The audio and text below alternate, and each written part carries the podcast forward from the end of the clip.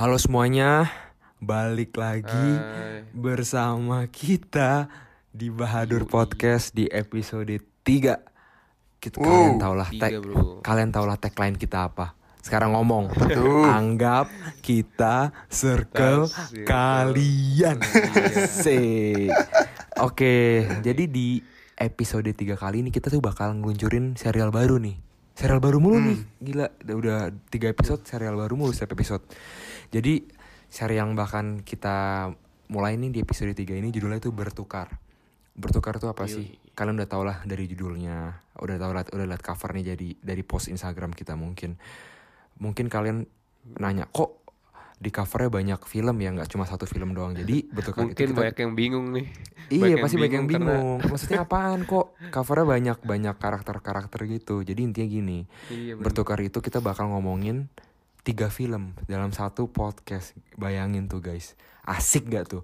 Jadi gue bakal nih gue gue bakal bawa film gue, Daud bakal bawa film Daud dan Firman bakal bawa film film Firman dan kita bakal ngomongin.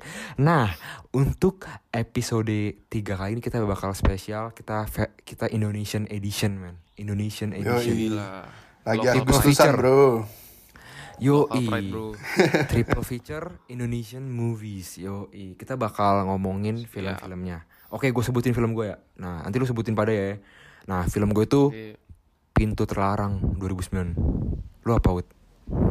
Kalau gue tuh film gue tuh posesif tahun 2017 Firman, Pak. Oke. Firman apa man film lu? Film gua namanya panjang banget cuy. Apa tuh? Ada kalau kalau kita denger singkatannya NKCTHI. Wah gila. Asik. Udah Yoi banyak guys. yang tahu pasti mainstream anjing ini. Iya, jadi intinya gini. Jadi intinya untuk episode kali ini kita bakal ngobrolin satu persatu dari film gue urut ya. Tadi seperti urutannya kayak gitu. Kita bakal ngobrolin. Kita semua udah nonton filmnya ya guys. Jadi kita bakal ngerti semua. Kita bakal ngomongin kayak di, di, di ini aja kayak di circle kalian. Anggap kita circle kalian ya guys. Tagline paling keren. tagline paling keren, tagline paling keren. Jadi ya udah kita langsung to the point aja. Jadi ntar di endingnya mungkin kita bakal ngobrol-ngobrol santai, oke? Oke, jadi langsung aja deh. Pintu terlarang. The Forbidden Door 2009. Filmnya ini disutradarai oleh one and only Joko Anwar. Jadi ini gue cerita biasa aja, maksud gue cerita fun fact aja. Jadi gue tuh nggak tahu nih ada film ini guys. Gue tuh bener-bener nggak tahu sebelum hidup gue ada film ini sampai film ini tuh nongol di Netflix guys. Jadi eh waktu itu kan gue kan follow Joko Anwar tuh di Instagram. Terus dia tuh kan dia tuh si Joko Anwar tuh emang orang sutradara yang salah satu sutradara yang paling vokal gitu tentang karyanya dia. Kalau misalkan karyanya di Netflix dia pasti upload di feednya gitu. Kayak eh guys jangan lupa nonton di Netflix pin- film yang terbaru. Nah kebetulan film yang rilis di Netflix yang waktu itu tuh Pintu Terlarang. Kayak bulan Maret singkat gue deh. Bulan Maret atau bulan April gitu. Dia udah nge- ngepromotin di Instagramnya.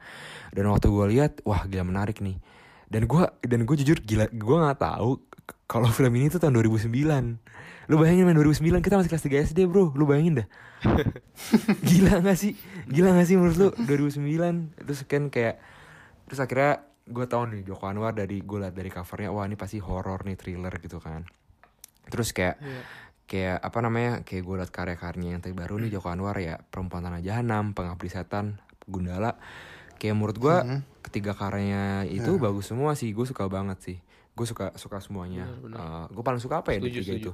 Pengabdi setan kali yang menurut gue yang paling rapi sih. Gue suka Satan itu. Slave bro. Satan, Slave. bener bro. Bener Satan Slave. Gundala lah. Iya gue Gundala ya. Iya itu mah pendapat masing-masing aja lah itu. Iya iya iya bener sih. Akhirnya akhirnya gue tertarik aja. Terus akhirnya awalnya tuh gue gak mau nonton tapi kayak teman-teman gue tuh pada nonton. Kayak kebetulan kan gue ikut organisasi film di kuliah gue terus kayak teman-teman gue ngomongin film ini pintu terlarang. Terus ada temen gue juga di apa di event gue tuh juga ngerekomenin nonton pintu terlarang. Terus kayak oke deh gue nonton gitu. Eh gue sinopsis aja deh guys. Jadi intinya gini. Jadi ada orang ada seorang pria seniman namanya Gambir guys. Gambir terus dia punya istri namanya Talida. Nah si Gambir ini eh, seniman ini seniman patung. Dia tuh suka buat patung kayak dia suka buat expo tentang karyanya gitu loh di pameran kayak gitu kan nah Talida ini Iya. istrinya dia istrinya si Gambir.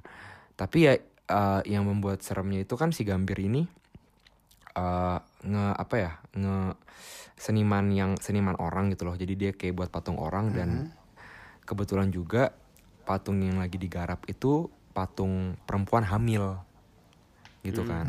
Terus kebetulan terus yang membuat ya sebenarnya plotnya eh, nggak sesimpel ini sih. Intinya intinya si Talida ini eh, melakukan aborsi gitu loh terus anak janinnya itu dimasukin ke perutnya itu ke perut patung itu dan gara-gara si janinnya dimasukin ke perut patung itu pameran si Gambir jadi laku banget gitu guys Iya, oh, gila itu. jadi kayak rame gitu ilegal sebenarnya.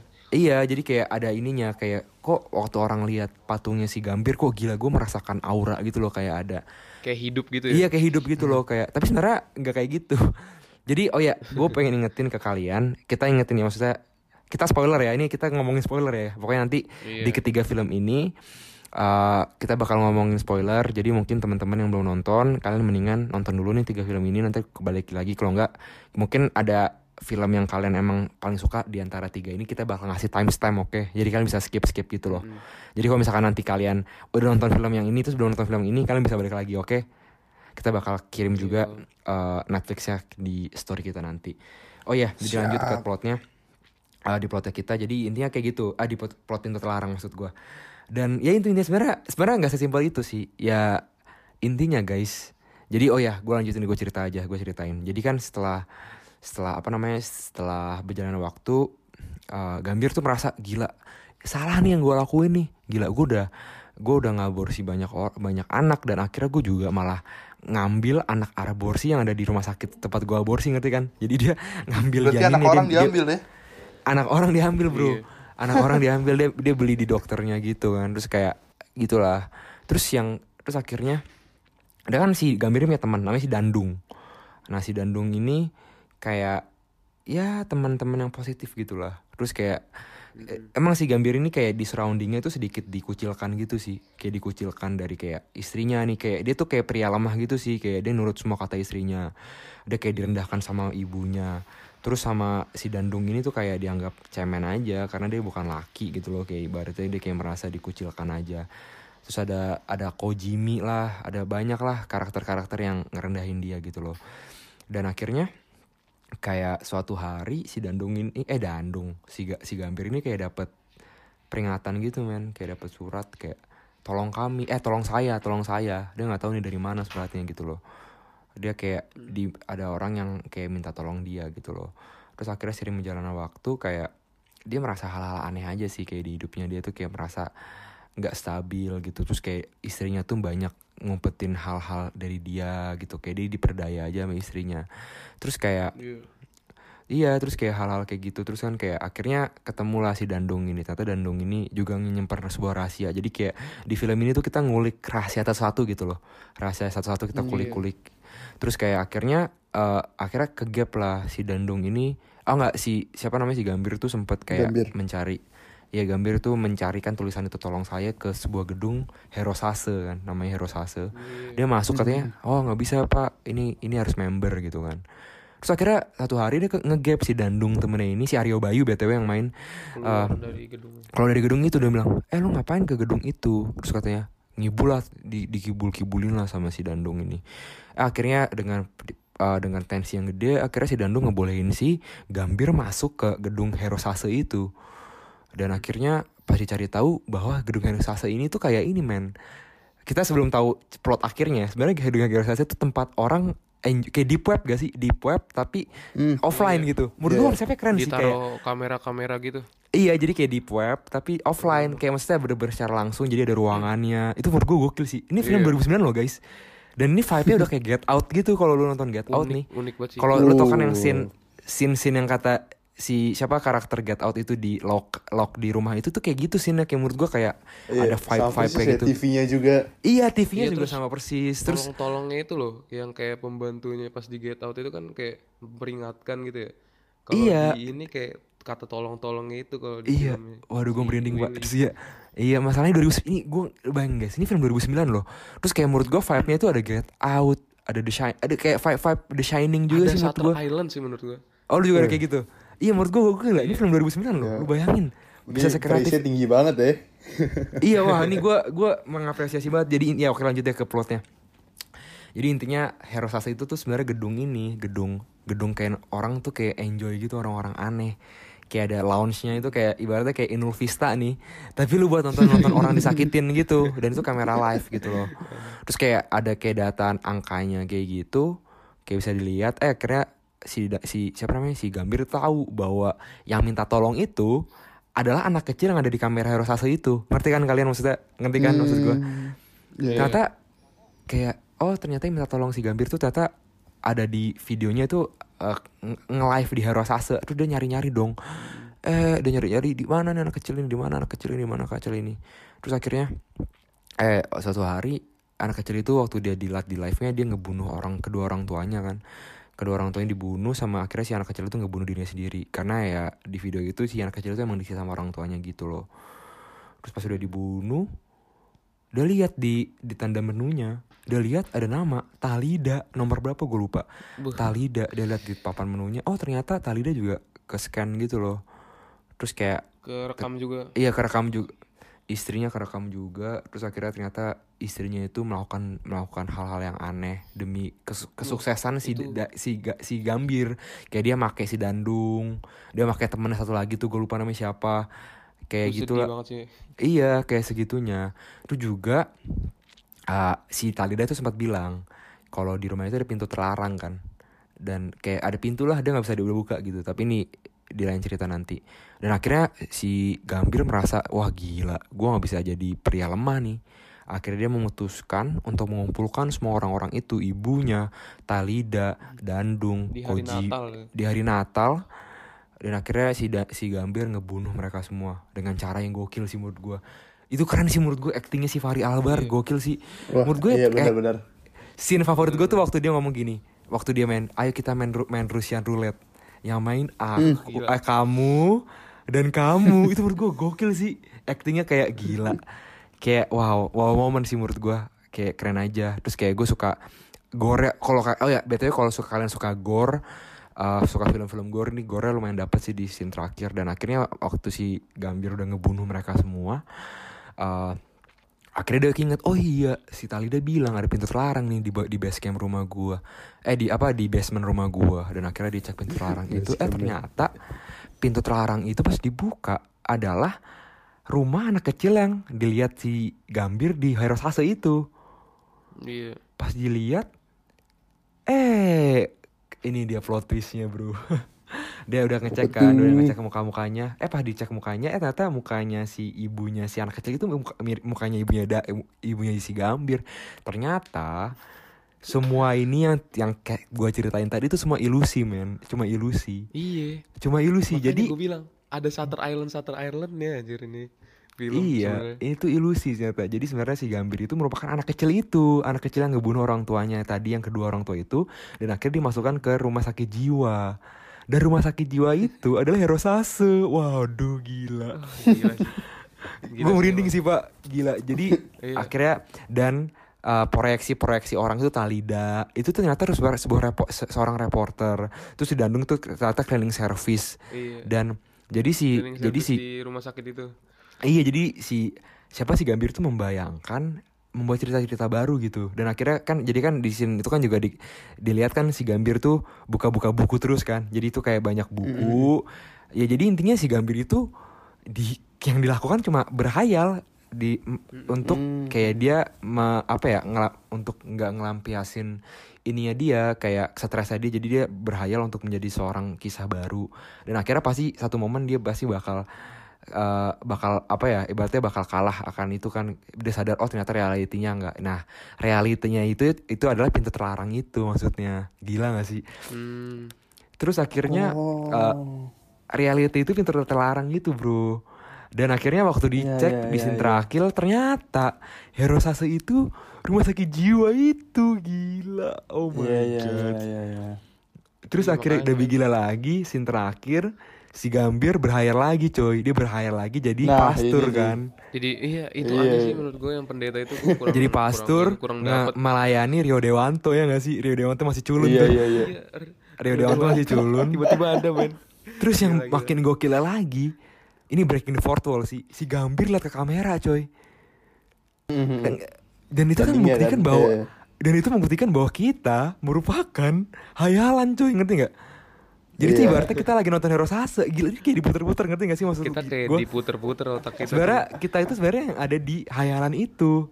Gara-gara si Iya. Gambir lihat ke kamera membuktikan bahwa wah gila. Kita tuh diputer-puter apakah kita di realita atau enggak gitu. Wah gila banget sih menurut gua. Jadi intinya sebenarnya gini guys. Eh, ini ini gue sekali mengakhiri ya film gua. Intinya pintu terlarang itu berbicara tentang ini sih. Kalau lu perhatiin detailnya ya btw waktu lu eh, pertama kali si Gambir ke ke ruangan Hero Sase TV-nya itu logo Freemason guys. Kalau kalian tahu Freemason itu kayak ada kayak ada ini sih perkumpulan kultus gitu agama gitu sih men. Kayak udah turun temurun kayak Illuminati kayak organisasi rahasia gitu lah Freemason. Terus habis itu waktu si Tali dan nutup pintu terlarangnya itu dia pakai logo mata satu dan itu Illuminati, Illuminati ya. jelas-jelas. Iya sebenarnya Illuminati. intinya ya kita tuh dilihatin men. Dari dulu kita tuh dilihatin men. Sekarang ini kita lagi dilihatin nih. Hmm. kita lagi diliatin jadi sebenarnya Video kita ibaratnya ada di Rosase bro. Iya bro. Jadi ibaratnya uh, pintu terlarang itu ngomongin bahwa media itu jahat coy. Media itu jahat. Mhm. kayak sebenarnya yang kita yang kita lakukan tuh diliatin dan sebenarnya apa yang terjadi di dunia ini itu nggak seindah dengan apa yang tampak di permukaan itu. Padahal kalau lu dalam-dalamnya itu bener-bener kayak ibaratnya waduh kotor semua ada intinya gitu kalau kata gua. Jahat. Jahat men. Jadi dunia itu jahat. Dan itu membuktikan sebenarnya pintu terlarang ini kayak ngenyindir gitu loh. Ngenyindir dunia sekarang gitu loh. Kayak ibaratnya media media media gitu loh. Ada orang yang disakitin orang nggak peduli. Kayak gitu loh sebenarnya. Lebih kayak gitu loh. Terus kayak gila sih menurut gue dan akhirnya yang menurut gue pesannya gokil sih yang waktu yang tadi gue bilang waktu Gambir breaking the fourth wall yang dia liat, dia liat ke kamera ke kita sebenarnya itu nyindir buat kita nggak sih men Mm-mm. dia tuh ny- nyindir kita kayak, woi, lu itu lagi di ini lagi lagi nggak nggak ini, ah gila sih menurut gua. Dan menurut gua ya, eh, oke nih sekalian review gua, gua kasih nilai deh, nggak apa-apa gua kasih nilai. Menurut gua pintu terlarang dapat rating Be. 8 sih, 8 per 10 Menurut gua eh, Oke. gila sih, menurut gua kreatifnya untuk tahun 2009 ya guys. Ini Get Out belum keluar loh. gila sih menurut gua Joko Anwar menurut gua gokil dan semua scene-nya semua dan gua harus ana- analisis lagi sih. Gue pasti nemu kayak mungkin ada main di warna atau main di simbolism. Gue mungkin gue bisa cari. Tapi ya menurut gua yang satu sih sinema menurut gua sinematografinya nggak konsisten. Menurut gua. Hmm. karena ada scene yang sinematografinya bagus. Lu tau gak sih waktu scene Gambir naik ke tangga terus sama si Dandung diliatin sama pemilik hero Nah, sasanya iya iya iya iya. itu menurut gue keren kan? Eh tapi waktu lu Iya. perhatiin scene-scene awal tuh kayak sinetron gitu gak sih menurut lu? Hmm. iya. Apalagi Iya nggak sih? di depan pas- bioskop apalagi? Nah iya depan bioskop. depan bioskop tuh udah kayak FTV iya iya. Iya terus kayak scene terakhir juga waktu yang The Last Supper itu loh yang waktu bunuh-bunuh itu keren banget menurut gua. Eh tapi waktu scene iya, ini jadi kayak biasa lagi kayak menurut gua nggak konsisten sih menurut gua itunya kayak apa ya sinematografi nggak konsisten. Terus eh, itu mungkin 2009 kali ya gua nggak tahu tapi kan nggak bisa jadi alasan Iya. juga. Terus juga menurut gua si Fahri Albar guys menurut gua bagus. Tapi menurut kan gua kan pakai subtitle nontonnya ya pakai subtitle bahasa Inggris karena menurut gua ya kalau gue sebagai orang Indonesia nih nonton film pintu telara kagak pakai subtitles ya. Gue gak ngerti bisa si Fahri Albar tuh ngomongnya cepet banget kadang-kadang. Kayak maksudnya ada beberapa dialog yang kayak dia ngomongnya kayak "Nah, nah, nah," gitu loh ngerti gak sih lu? Kayak kayak banyak kayak pronunciationnya menurut gue kurang jelas tapi nggak apa-apa kan gue pakai subtitles jadi nggak nggak jadi apa ya sebenarnya itu nitpick sih nggak nggak terlalu penting tapi ya intinya menurut krusial gue ya. nggak krusial tapi pintu terlarang menurut gua wah gokil. Eh gue rekomen banget bagi teman-teman yang suka horor yang suka thriller yang suka eh, film-film apa ya film-film yang misteri plot twist. Dan lu bagi lu yang suka Get Out suka The Shining suka Shutter Island nonton aja dah. Ada di Netflix ya? Ada Netflix nih mumpung nih mumpung ada Netflix lu nonton sekarang. Itu menurut gua gokil banget. Oke eh apa peran gue udah kelar saatnya Daud lempar ke Daud bro ambil alih bro Adipati. Adipati Dolken. Kalau gua nih Iya. genre tuh berubah 180 derajat ya. Kalau dari thriller budi-budian sekarang jadi remaja SMA pacar-pacaran coy. jadi film gue tuh kayak tadi gue bilang tuh Possessive tahun 2017. Sutradaranya tuh namanya satu kata doang, Edwin. Gak tahu gue kenapa. Terus dibintangi oleh Adipati Dolken dan juga Putri Marino. Nah film ini tuh eh, menang beberapa penghargaan di Festival Film Indonesia itu sutradara, sutradara terbaik, pemeran utama wanita terbaik, sama peran pendukung terbaik. Nah, menurut gue nih membuat gue apa ya kayak penasaran lah, kok bisa sampai sutradara terbaik. Sampai akhirnya gue nonton film ini dan gue tahu kenapa. Jadi gue ngomongin sinopsisnya dulu ya. Posesif tuh filmnya dimulai dengan karakter utamanya si Lala yang dimain oleh Putri Marino. Terus dia tuh ketemu si Yudis yang dimainin oleh Adipati Dolken, yaitu murid baru di sekolahnya. Dari dari situ cerita itu lanjut. Mereka mulai ya kayak anak SMA biasa lah cerita film-filmnya.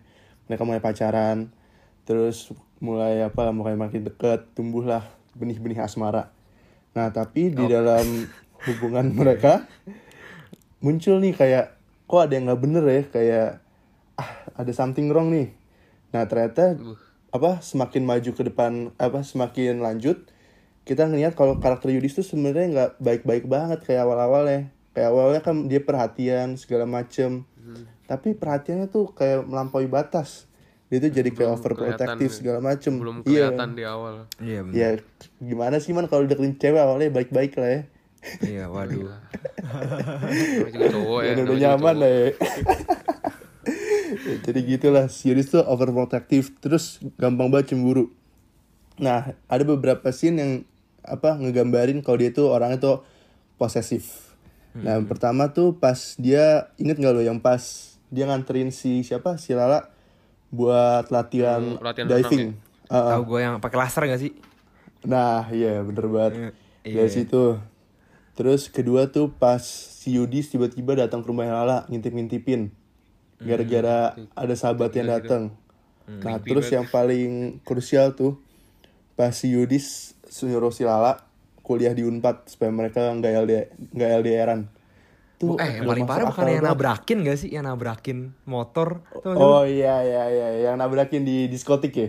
Eh, habis dugem kan? Iya, nabrakin, Pak. habis dugem Ya habis dugem si ceweknya tidur malah nabrakin temen nggak jelas. Gak apa-apa, namanya juga cinta, Bro. Cinta itu buta, Bro. buta cinta ma- cinta monyet aja. Iya. Nah jadi Kocak. intinya tuh film ini tuh tentang inilah tentang apa toxic relationship. Nah terus ada beberapa ya dari film ini yang menurut gue tuh menarik. Jadi si Edwin ini dia tuh suka banget mainin warna di film ini. Kalau lu perhatiin kan apa ada scene yang Lala ngomong sama bapaknya tuh yang di bawah tangga di rumahnya. Iya, iya Ingat gak lu? gua. Kan Iya, pas iya. mereka ngobrol tuh apa tone warnanya tuh apa kuning gitu kan. Aha. Nah, kalau di dunia film anjay. Kuning itu artinya tuh ada uh, bisa jadi wisdom atau joy, tapi bisa juga tuh kayak jealousy atau kayak toxic gitu kayak nggak keper- nggak percaya. Nah, kan kita tahu kalau di sini tuh bapaknya Lala tuh awal-awal filmnya itu kan nggak percaya sama anaknya kan. Dia tuh pingin dia tuh kayak jadi atlet sama kayak ibunya. Nah, Iya, tapi iya. s- apa semakin ke depan bapak percaya nah tone kuning kuningnya tuh mulai hilang. Nah di situ tuh gue suka banget. Terus apalagi di yang tadi lu bilang scene diskotik. Nah di situ tuh ada dia pakai warna biru sama merah nah di biru itu tuh dia ngomongin tentang depresi dan merah itu tentang bahaya sama kayak film apa yang film lu, lu pintu terlarang kan itu kebanyakan merah kan karena kan emang thriller kan Iya, merah-merah. Nah, merah banget. Yoi. Nah gue tuh paling suka yang pas di diskotik ada bagian yang si siapa sih si Yudis itu mau nganyipok si Lala. Ingat gak lo? Iya, iya, ingat. Nah pas banget di sini tuh lampunya langsung berubah merah langsung jadi kayak danger gitu. Nah itu menurut gue timingnya keren banget sih pas sinematografinya oke. Hmm. Terus dari ceritanya ini, kalau dari apa sisi cerita, gue suka banget karena ceri- apa film ini tuh ngebawa masalah tentang toxic relationship yang nggak banyak orang berani nge-expose. Nah Iya, di sini bener. tuh gua, si si Edwin tuh bisa apa ya kayak menceritakan itu dengan slow tapi nggak nggak apa ya tapi serius juga. Jadi orang tuh bisa nangkep intinya tuh kalau walaupun kita masih SMA walaupun kita masih apa kayak remaja gitu bukan berarti kita tuh nggak punya masalah kayak orang-orang dewasa lain ya. Kita tuh mas kita tuh bisa kayak LDR segala eh LDR apa KDRT segala macam tuh bisa kita rasain. Mhm. Nah itu sih itu kan menurut apa posisi-posisi begitu kan dia kan ada latar belakangnya kan kenapa dia begitu Iya, Mm-mm. tapi Nah, bener itu tuh. kata lu. Wut. Iya benar. Gue punya teman kayak gitu bisa kayak yang KDRT SMA gitu aneh banget dah. Nah iya, nah terus Iya. gue suka yang lu ngomong tuh man apa latar belakang. Nah kita lihat kan di film ini kalau maknya si Yudis tuh ternyata tuh sangat overprotective kan. Iya, abusive juga kayak si Yudis. suka mukulin gitu, Hmm, suka itu- mukulin. Mm-mm. itu gila sih itu makanya si Yudis cabut kan dari rumah Iya. Iya. Sebenarnya lu perhatiin deh, kan si Yudis tuh kekurangan figur bapak, sedangkan si Lala kekurangan Nah ibu. iya, kem- nah iya iya itu juga. Iya, Itu- jadi kayak itu sindiran gitu lagi. sih jadinya? iya, gila juga sih kalau diperhatiin nih. Iya iya, tapi ya iya terus dia ngebahas juga kan ya apa kayak lu bilang kalau orang tua tuh sebenarnya ah apa anak itu sebenarnya ngeproyeksiin apa yang orang tua lakuin ke dia. Jadi misalnya kalau orang tua kasar ya begitulah hasil anaknya kasar juga. Mhm. iya iya lingkungan tuh emang membentuk banget Iya bener, perilaku dan setuju ini gua, setuju gua, setuju banget. karakter Yo iya, jadi menurut gua nih film tuh cocok buat kalangan umur berapa aja, terutama yang baru yang Remaja. baru punya hubungan tuh nah iya bisa Kalian dipelajari kalau anak punya muda. pacar. Iya. Udah gak usah pacaran Udah dulu, kocak SMA ngapain sih, udahlah. Belajar dulu aja sih. alah lu eh banyak Will Kau diam. eh Willy, Willy tuh gak pacaran man, dideketin Willy, doang habis itu iya. udah. toxic Ya, juga ya toxic relationship juga udah gila, udah gila. aduh aduh ya segitulah. Kalau gua harus kasih nilai 8 juga sih dari 10 8 juga ya.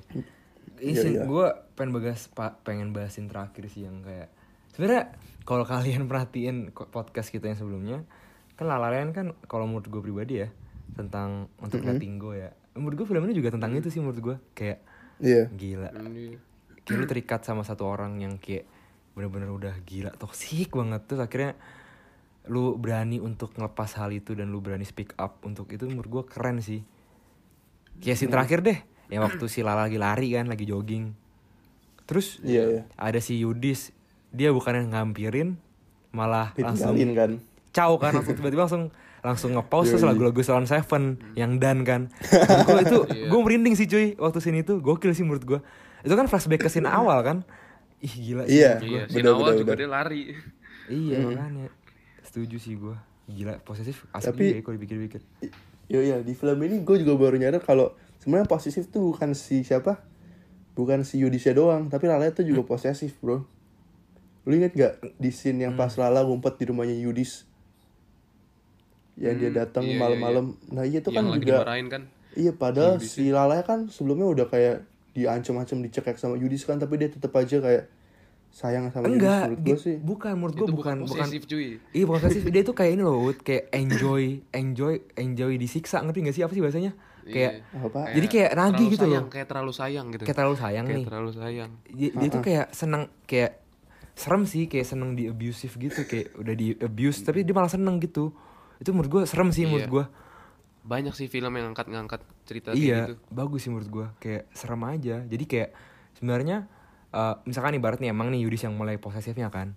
Tapi kalau si lalanya nggak nolak atau nggak tegas akan hal itu juga sama aja kan. Nah ini si lalanya malah Nah, ngadenin kan malah ngeiyain Nah, kayak itu udah nggak apa-apa siksa gue aja. Kayak itu itu salah sih menurut gue Mm-mm.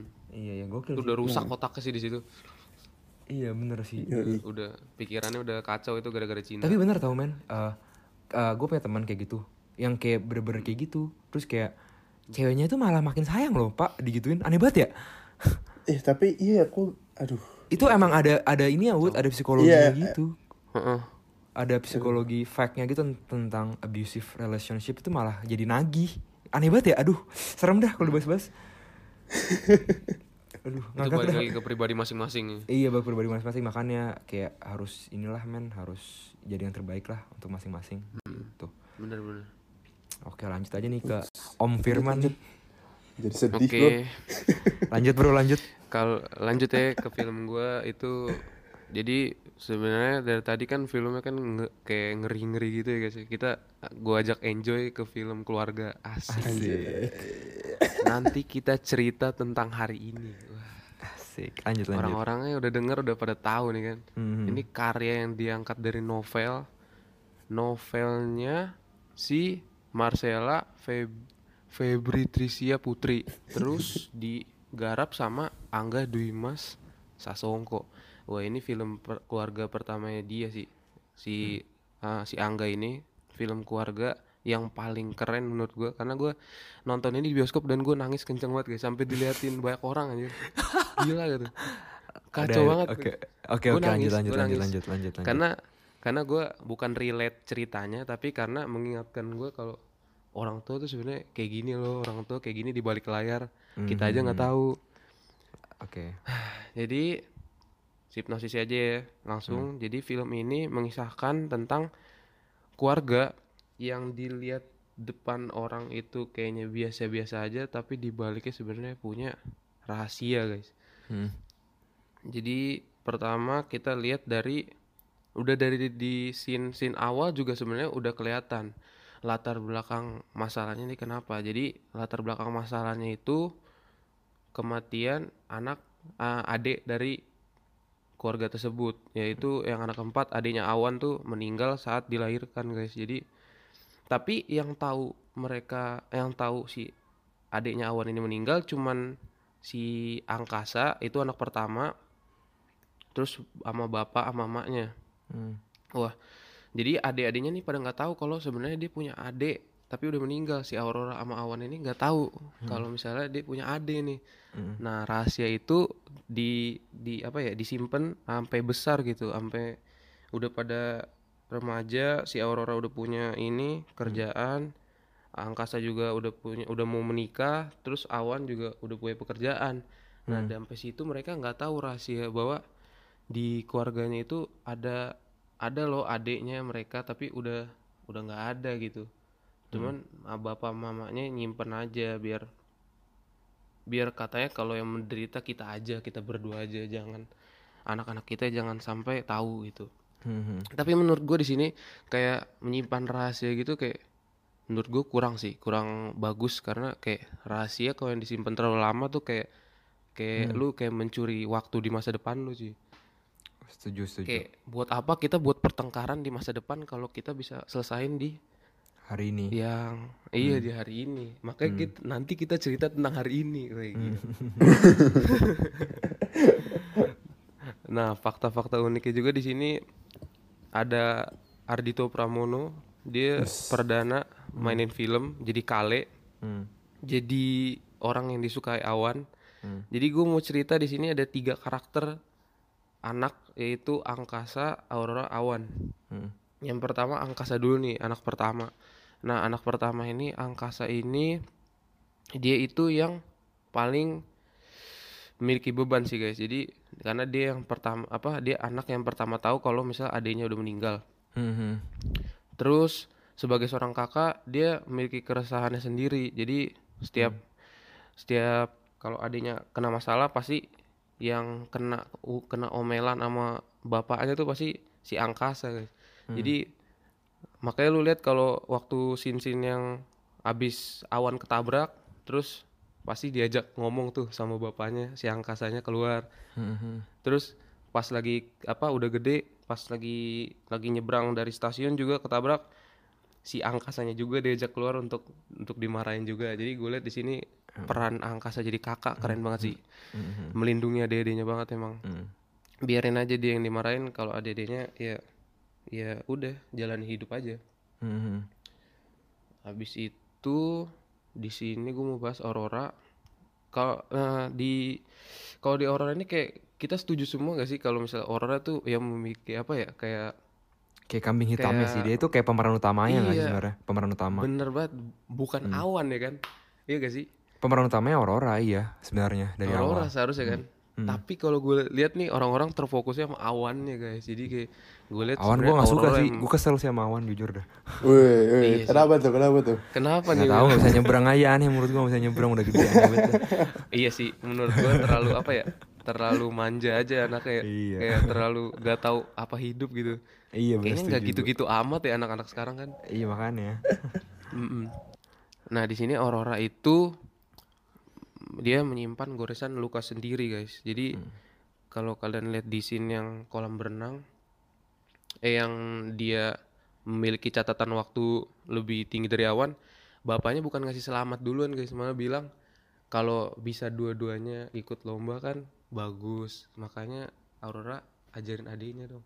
Nah itu menurut gua di situ bapaknya salah sih. Pedih ya, bro, Terus ya? mamanya- Pedih ya, bro? iya. Terus mamanya diem-diem hebat anak ibu. Wah gila.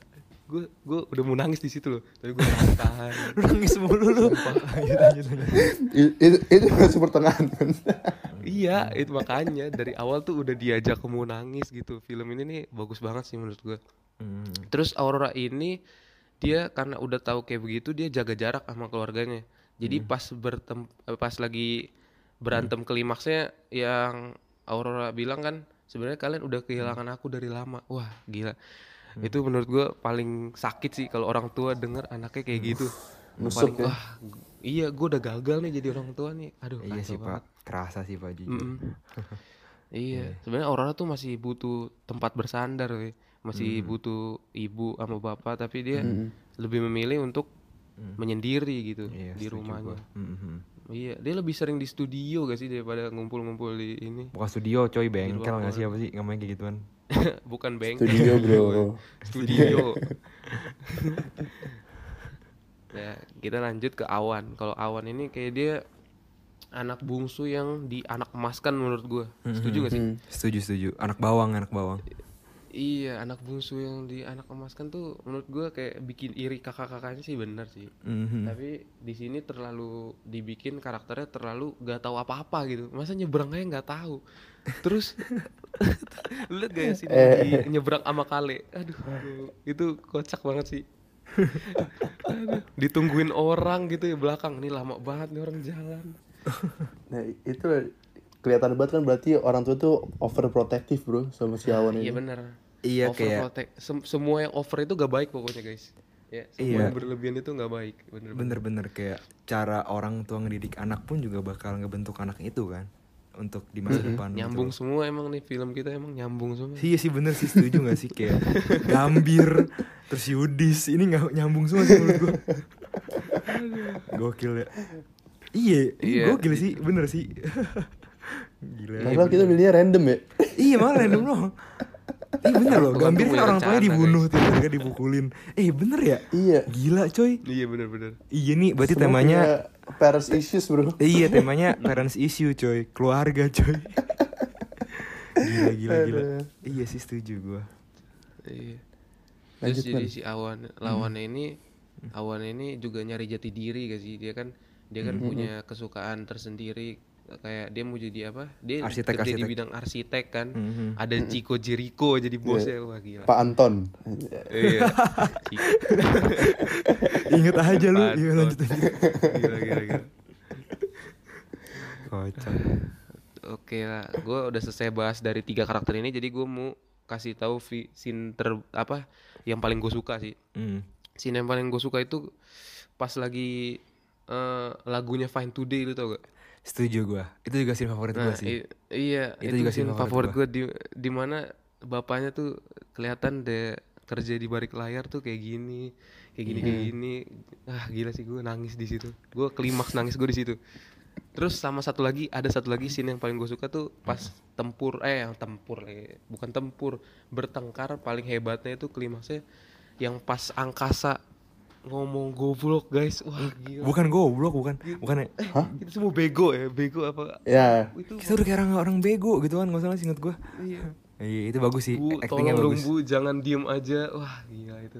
Iya Rio Ini yang Dewanto dia gokil ya. reveal kalau ada Si yang meninggal kan? Diem aja. Iya. Dia kayak Ini kan Pulang dari mana sih? Terus kita pulang ke rumah. Terus kayak Ini dari apa? Studionya eh bukan studio, pameran. Pamerannya Aurora. si Aurora. Iya. Nah, iya. Iya. Iya kayak udah Pada meledak gitu kan kan Udah buka pameran. aja lah semua Iya bener Mm-mm. Itu dua scene menurut gue yang paling bagus dari film ini. Dan film ini mengajarkan kalau kalau kita sebagai keluarga tuh apa ya, jangan menyimpan rahasia. Hmm. Kalau banyak kebanyakin komunikasi, Hmm. habis itu untuk orang tua jangan terlalu overprotective karena anak juga Mhm. kayak gimana lah tau lah namanya juga remaja nyari nyari apa ya nyari nyari Jati diri ya. mereka iya bener Setuju sih setuju. dari gue itu aja sih Rating berapa rating? Nilai berapa man? rating 8,5 per 10 Lu seriusan nih? Waduh ini beda pendapat loh. Gue gue beda pendapat jauh loh sama lu pada. Eh, sama Iya, Firman ya. Gak apa-apa sih. Iya Nah, maksudnya emang kenapa Bil? enggak maksudnya red enggak menurut gue entah kenapa sih menurut gue eh NKTCHI ya ya kan NKTCHI Iya iya. menurut gue sorry ya nih ya gak deserve sih delapan setengah sih menurut gue sorry nih Hmm, Jujur iya, gue ya. iya. Gue juga. ini ini oke gue nanti Daud jelasin ya gue nih menurut gue eh, banyak flow sih kayak eh, pertama nih dari dari apa dari skornya apa bukan skor nilai skor soundtrack gitu loh banyak banget lagu tuh ditempel-tempelin gitu loh Nah, Iya sih, iya sih. Wah. Soundtrack. gila. Lu nih, lu nah kalau setuju banget. Gila men, semua scene ada lagu Kunto Aji, ada lagu Isyana. Eh. Menurut gua kayak Arah-arah. iya arah band coy.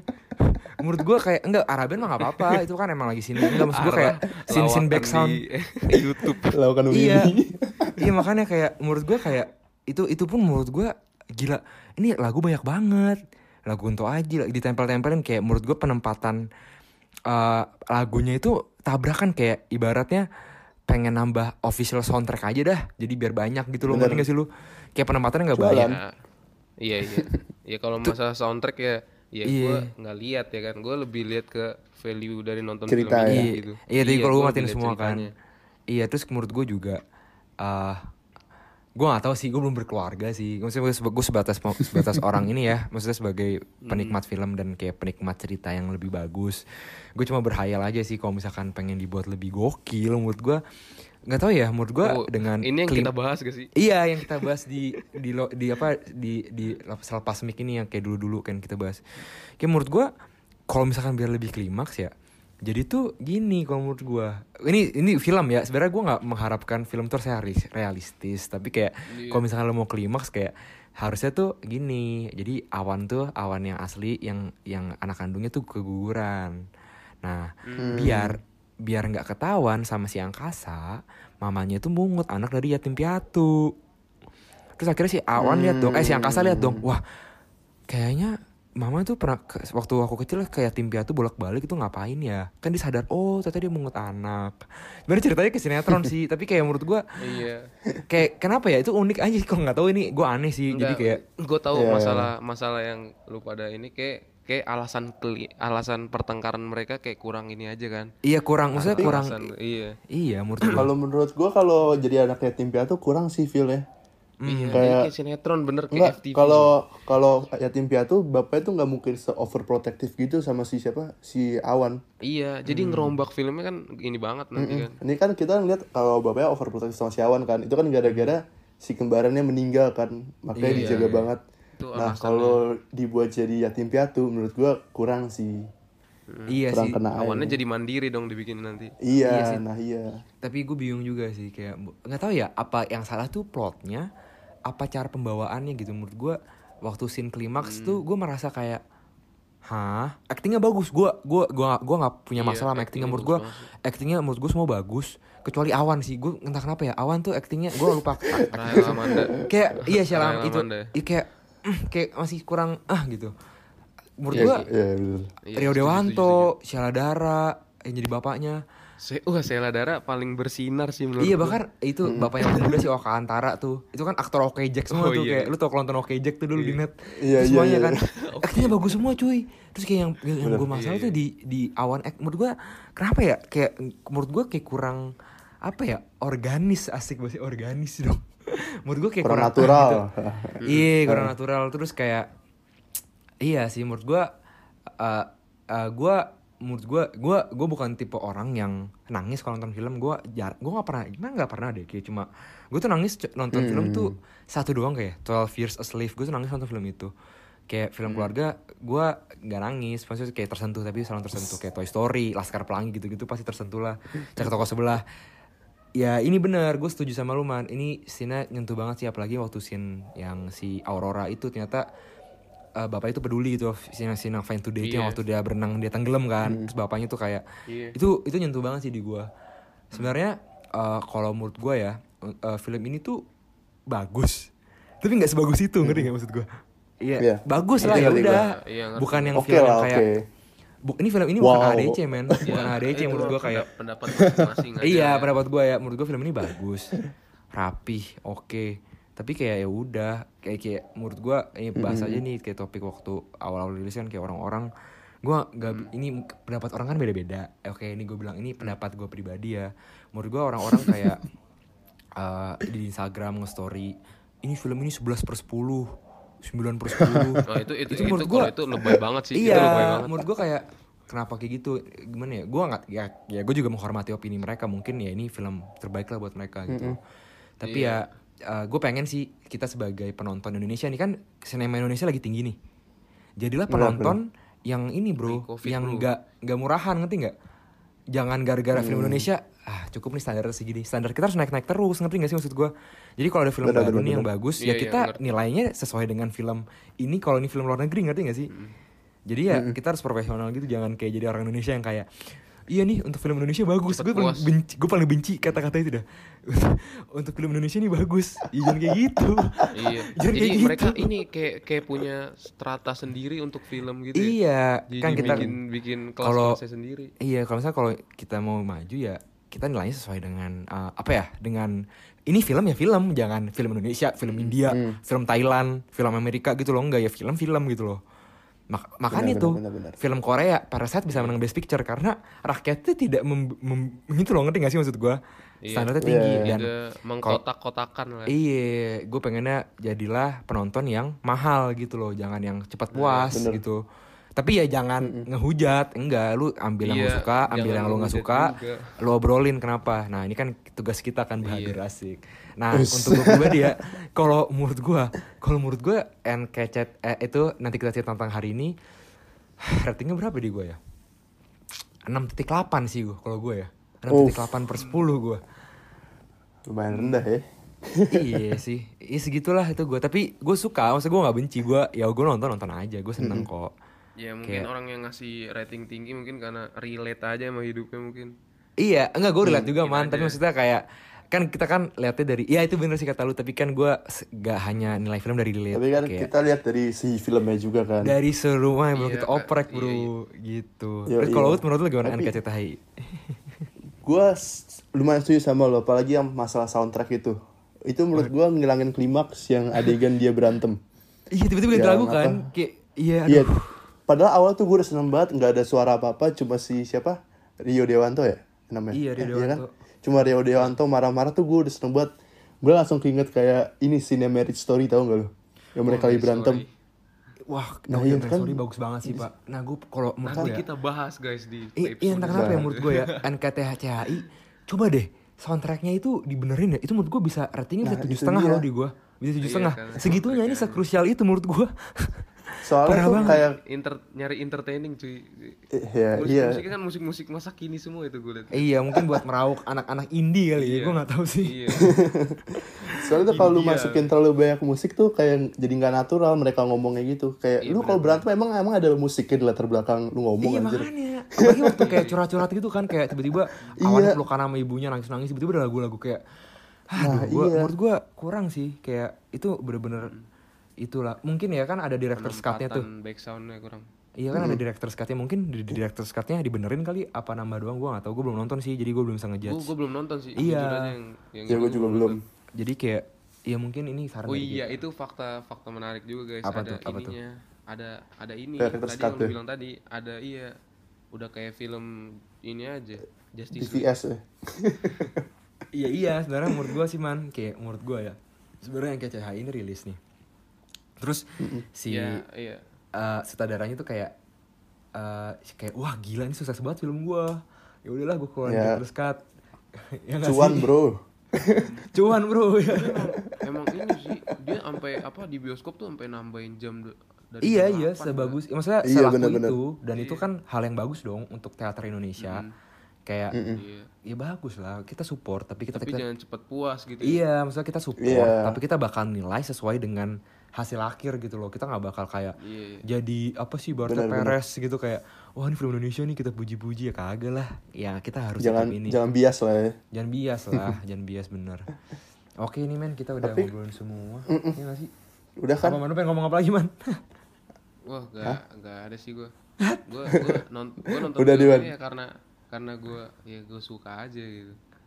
lu berapa vote ratingnya NKCTHI menurut lu Kalau di Ah, tujuh lah gue Oh lu tujuh. Ya beda Gak beda jauh sama gue lah. Cuma beda 0,2 ya lo tujuh lima biar KKM yang penabur ya? Ayo iya. Ya udah guys, uh, kita udah bahas semuanya nih. Kita udah bahas dari pintu terlarang, uh, posesif sama uh, nanti kita cerita tentang hari ini. Semua kita udah kita bahas dengan topik ah dengan obrolan yang santai dengan dan serius gitu. Santai tapi serius. Itu bahadur sih santai dan tapi serius. Dan mungkin ada salah kata, mungkin opini kita yang mungkin nggak sesuai dengan opini kalian.